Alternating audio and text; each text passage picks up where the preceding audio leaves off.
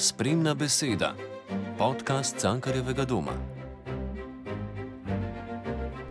To je na nek način kombinacija YouTube, televizije in gledališča. No? In um, res uporabljamo znanja, ki jih vlečemo iz petnih žil, zato da bi ustvarili en poskus nečesa, ki pa upam, da bo, da bo prišel do gledalcev. Pozdravljeni.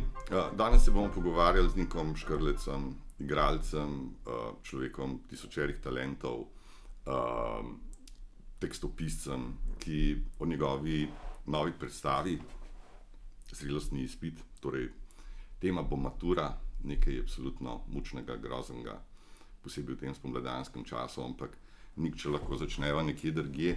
Mi tebe poznamo pravzaprav v zadnjem času, predvsem kot uh, televizijskega voditelja na mladinskem programu. Tisti, ki imamo pa malo več izkušenj z gledališčem, te poznamo pa tudi po vlogah in to v najbolj uglednih slovenskih gledališčih, igral si recimo uh, študentka, študenta Tončka v Linhartovi komediji Matiček se ženi.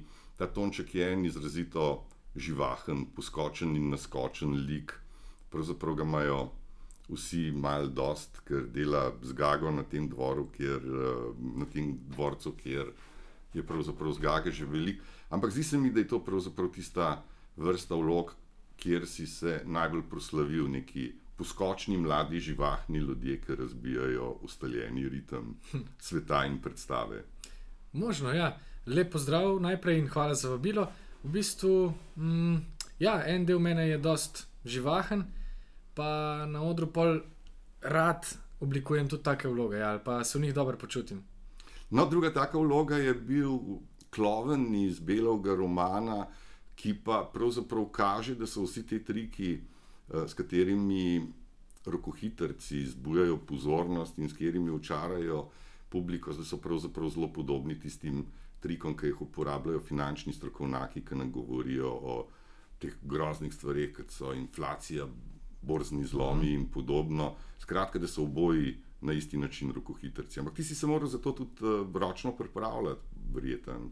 O financah ali o rokohitrstvu? O rokohitrstvu. V bistvu v zvezi z obojem, ja, čeprav um, je socialkoške veščine ena stvar, ki me že odnegdaj zelo zanima.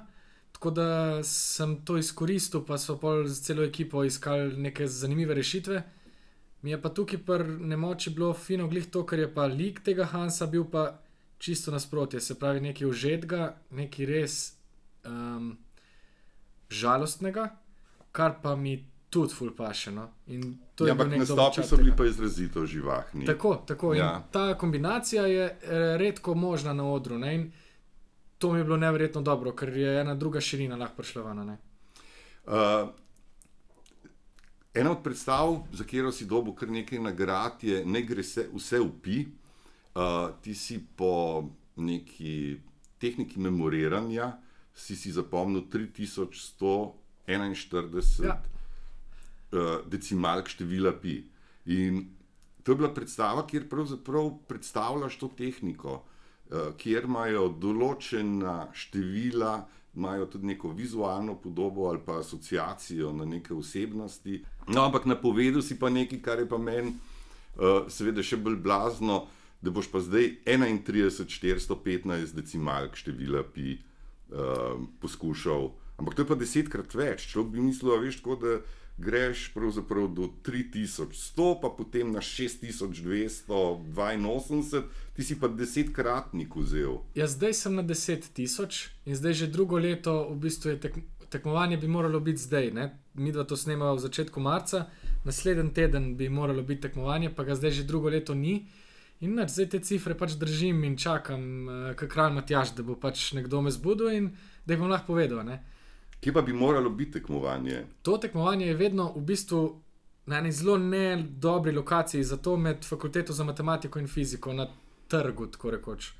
Um, ampak zdaj, zaradi to, tega, ker se tam zbere, zdaj pa res že ogromna množica ljudi, tega ni. Uh, nik še nekaj sem zasledil, tvoja ljubezen do Rubikove kocke in do potapljanja si pravzaprav združil to, da čakaš, da ti potrdijo strici iz Guinnessovih Mhm. rekordov.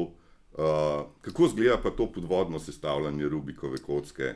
Ja, tako kot na kopnem, sam da dlje časa, ko držiš dih, manj si miselno sposoben, kar rata zelo zanimivo, če hočeš delati nekaj, kar je pa res ena miselna uganka. Ne? In spet je tle ena zanimiva kombinacija nemogočega podviga, ki je meni zanimiva. No? V bistvu sem se pa Rubikovo naučil sestavljati zaradi pomone, eh, ene predstave, ki smo delali v mali drami, kjer je moj lik sestavljal Rubikovo, pa tega pa nikoli ni bilo v predstavi, tako da sem probo druge.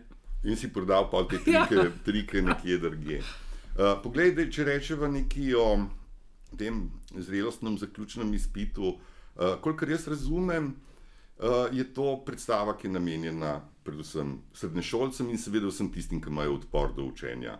Uh -huh. Um, v bistvu smo tekom študija, ali pa to je zdaj res dolg študij, ne? ker je ta predstava najprej bila mišljena za oder, potem je bila mišljena pol na čakanju, zdaj je bila pa res predelana za splet. Um, smo se veliko sprašvali o tem, kaj pravzaprav zdaj je ta matura ali pa kaj je njeno bistvo. In pol se znajdeš, smo se znašli v situaciji, ko delamo učno predstavo in v bistvu govorimo o tem, da učenje sploh ni pomembno na nek čuden način, ampak v bistvu, da so pomembne bistvene stvari. In če znamo s to prizmo pristopati do šole, smo po mojem zmagali. No? Če se pa učimo ene stvari, zato da se jih učimo, bilo pa bož, da se jih ne. In um, to je bilo nam najbolj dragoceno spoznanje, ki bi ga zdaj radi nekako posredovali srednješolcem. Ja, vprašanje je, v kakšni meri pa do koga vse to pride, ampak jaz verjamem, da lahko spregovorimo tudi o tem. No. Začne se pa kot nočna mora. Ja. Pravzaprav je tvoj soigralec Domen Valič, kolikor uh, mm -hmm. sem videl, se zbudi v neki nočni mori in se poskuša v pol ure uh, napifljati vse, kar je za maturo potrebno. Ja, ja. Ti pa potem priješ kot ta pametni rešitelj. Tako, jaz sem ta duh v steklenički. No. Um, ampak pa se najne vloga znotraj tega se seveda obrne, pa se malo premeša. V bistvu skupaj oba poskušava odgovoriti na vprašanje, kaj sploh je zrelost, če govorimo o zrelostnem izpitu. In če damo zraven književnost, imamo kar naenkrat ful lepo odskočno desko. Ne? Pa v resnici bi lahko dal karkoli zraven. Tudi matematika, ko se ukvarja v bistvenih stvareh, se ukvarja v podobnih rečeh. Tudi telovadba, ko je bistvena, govori o enih zelo pomembnih um, vrlinah, recimo, ali pa o enih vprašanjih človeških. Um, mi smo pa pač ja, tukaj štartali s književnosti, ki je pa zato pač super. No, ampak to, da se nekdo znajde v morju vseh mor, namreč da mora iti na maturo in to zaenkrat še ne pripravljen, je pravzaprav samo nek zunani dogajalni ukvir. Neko, ja nek skelet, na katerega pa potem vidva neke točke, ki so deloma nasnete, deloma odigrane v živo, na nizata. Mm. In kolikor sem jaz videl, se seveda en del tega nanaša tudi na ta uh, pandemični čas. Mm. Uh, skratka, nekatere svetovne klasike od um, tistega znamenitega balkona v Veroni, mm. kjer si še petata Romeo in Julija, Shakespeareove igre, do seveda Ojdi, pa mislim, skratka, neki, neki pravzaprav klasična besedila so pa postavljena v čas z visokim faktorjem tveganja za okužbo in temu prilagojena. Skratka, to je predstava, ki uh, je narejena za predvajanje oziroma igranje v času pandemije, ampak to pandemijo tudi vključuje neko kot svojo lastno izkušnjo oziroma nek dogajalni čas. Ja, nam se je zdelo, da ne moremo mimo tega, da pač damo en del predstave koronija. Ker e, če, če gledamo predstavo na zaslonu, je to itak vse prisotno dejstvo in se nam zdi škoda, da bi se ga izogibali. Smo pa res hoteli, tako kot smo se zdaj v bistvu vsi znašli pred enim tem čudnim e, vprašanjem tega. A ima sploh smisel snemati predstavo in jo predvajati na zaslonu, tako kot smo jih snemali včasih, po mojem, nima. Ne? A ima zdaj smisel delati film iz tega, masam, nimamo proračuna, pa um, še druge težave. Ne? Kako zdaj ne gledališče prek zaslona nekaj spregovori, pa konkurira v končni fazi drugim vsebinam, ki jih gledamo na zaslonih. Ali pa še celo, kako naj do šolarjev, ki imajo, sem prepričan, totalen odpor že sam do zaslona, kjer se začne nekaj šolskega, um, spraviti nekaj iz gledališča. In zato smo v bistvu posneli različne stvari in zdaj se nam je nujno, da damo koroni svoj prostor, ker če ne nas bo itak pojedla. No. No, ena od rešitev je ta, ki jo imajo uh, nekatera gledališča, da pravzaprav režiserji, posebej če prihajajo iz uh, krogov filmarjev, da pravzaprav predstavo, ki so jo sami že zrežirali za ta prenos, tudi neposredno montirajo, tako kot bi športno ja. prireditev. V bistvu uh, nastane na nek način TV drama. Ne? Pa, um, sam jaz vidim težavo še v tem, da je ena dvojna potuji, potujitev se zgodi, ker jaz gledam uh, film, ki se, v, ki se dogaja v gledališču. Se pravi, gledam uh, eno igro in pol vidim še, da je to v gledališču in en čuden stik se zgodi, kot če bi gledal Fantoma v operi film. Imam zdaj občutek, da gledam posnetek predstave v predstavi. No? Pa v predstavi imate še posnete dele, ki vam verjetno omogočajo te kostumske menjave. Tako, mi smo želeli pa zdaj poskusiti vzeti gledališče kot dogajalni prostor, se pravi, narediti predstavo, ki se dogaja v gledališču. Um, jaz veliko krat razmišljam v tem kontekstu, v katerem smo, pa sem se spomnil recimo na teater Paradižnika. Ne? To je ena taka stvar, ki je vzela gledališče za scenografijo, ki se ni delala, mi vam zdaj na odru igramo ene druge predstave, ampak mi vam zdaj igramo pred, eh, film, no, serijo v gledališču. Ne? In tle čutim mogoče nek zanimiv potencial, da, da se malo izognemo tej dvojnosti. Ampak um, vsi smo v enem eksperimentalnem prostoru in zdaj res vsak poskuša z vsemi žalbami. Naš pristop je bil glih to. Nekaj posneto naprej, si tam prvoščiti več, um, več sprememb, več kadrov, in tisti deli, ki pa so v živo, jim nameniti res živo interakcijo, pa neko komunikacijo. Um, in in tem, del improvizacije, kot sem tako. videl, so eni deli improvizirani. Ja. Uh, nek uh, predstava ima, praviš, uh, je pravzaprav uh, žanrsko hibridna, tudi glede uh, medijev. Ampak, kolikor razumem, en del, bo, uh, del publike jo bo spremljal po spletu, ampak vi ste pa že prilagodili to, da tisti, ki so pa v istem mehurčku, torej um, dijaki iste srednje šole, bojo pa neposredno navzoči. Uh, Kako bo pa. Uh, kakšen bo pa njihov vpliv na sam potek predstave oziroma na njeno osebino? Um, ravno tukaj pride ta YouTube forma v igro. Um, celotna interaktivnost predstave ali pa z, interaktivnost publike pride do nas prek klepeta, kar je ena zelo uh,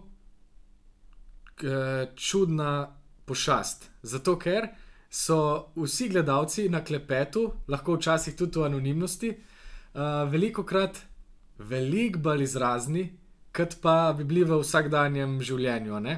Poleg tega imamo tle še vprašanje spletnega bontona, ki je fulj pomembno vprašanje, pa ki je pri nas zelo slab. Um, hkrati pa možnost ene drugačne svobode. In po naših izkušnjah, pa po enih testnih streamih, ki smo jih delali, to pomeni eno zelo zanimivo kombinacijo v bistvu prostodušnosti, pa hkrati poguma strani gledalcev. In v vsakem primeru pa gledalci sodelujejo ali prek svojih telefonov, kjer pišejo neposredno nama stvari, ali pa prek računalnika ob videu. Kako te pa signal spustijo v Cankarjev dom, ki je načeloma pred njim zaščiten? V Cankarjev dom ima ene take nore optične kable, da jaz, ki sem to videl, sem si želel, da bi tukaj živel.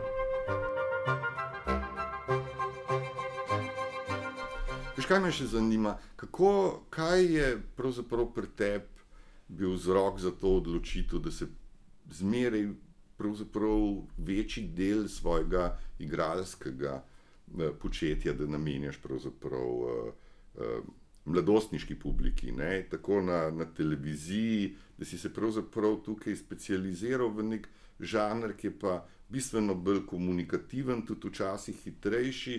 Eh, predvsem pa zahteva neko, neko energičnost. Uh, je to zaradi tvojega značaja ali je to zaradi tega, ker se počutiš večno mlad?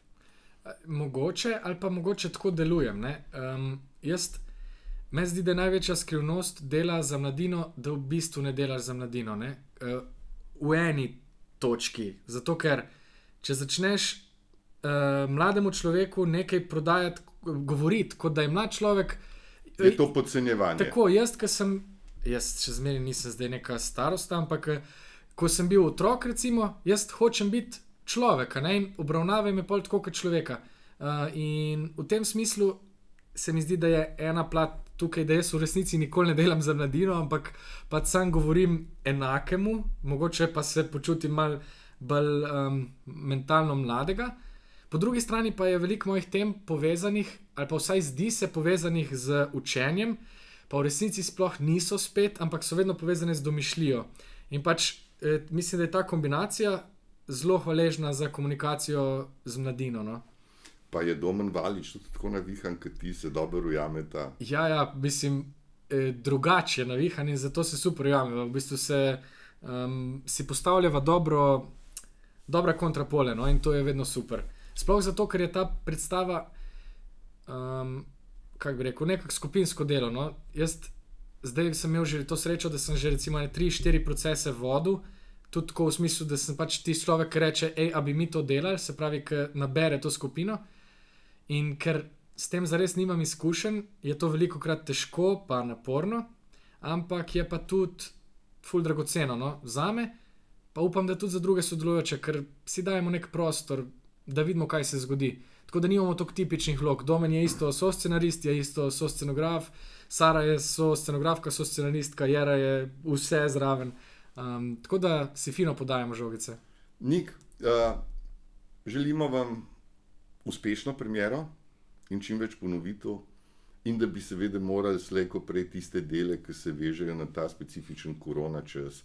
Čas zamenjati s kakšnimi bolj normalnimi. Ja, ja, te bomo ohranili tako kot eno muzejsko zbirko, arhivirali bomo te prizore, pa bo to to. Hvala. Ja. Srečno. Spremna beseda, podcast Cankarjevega doma.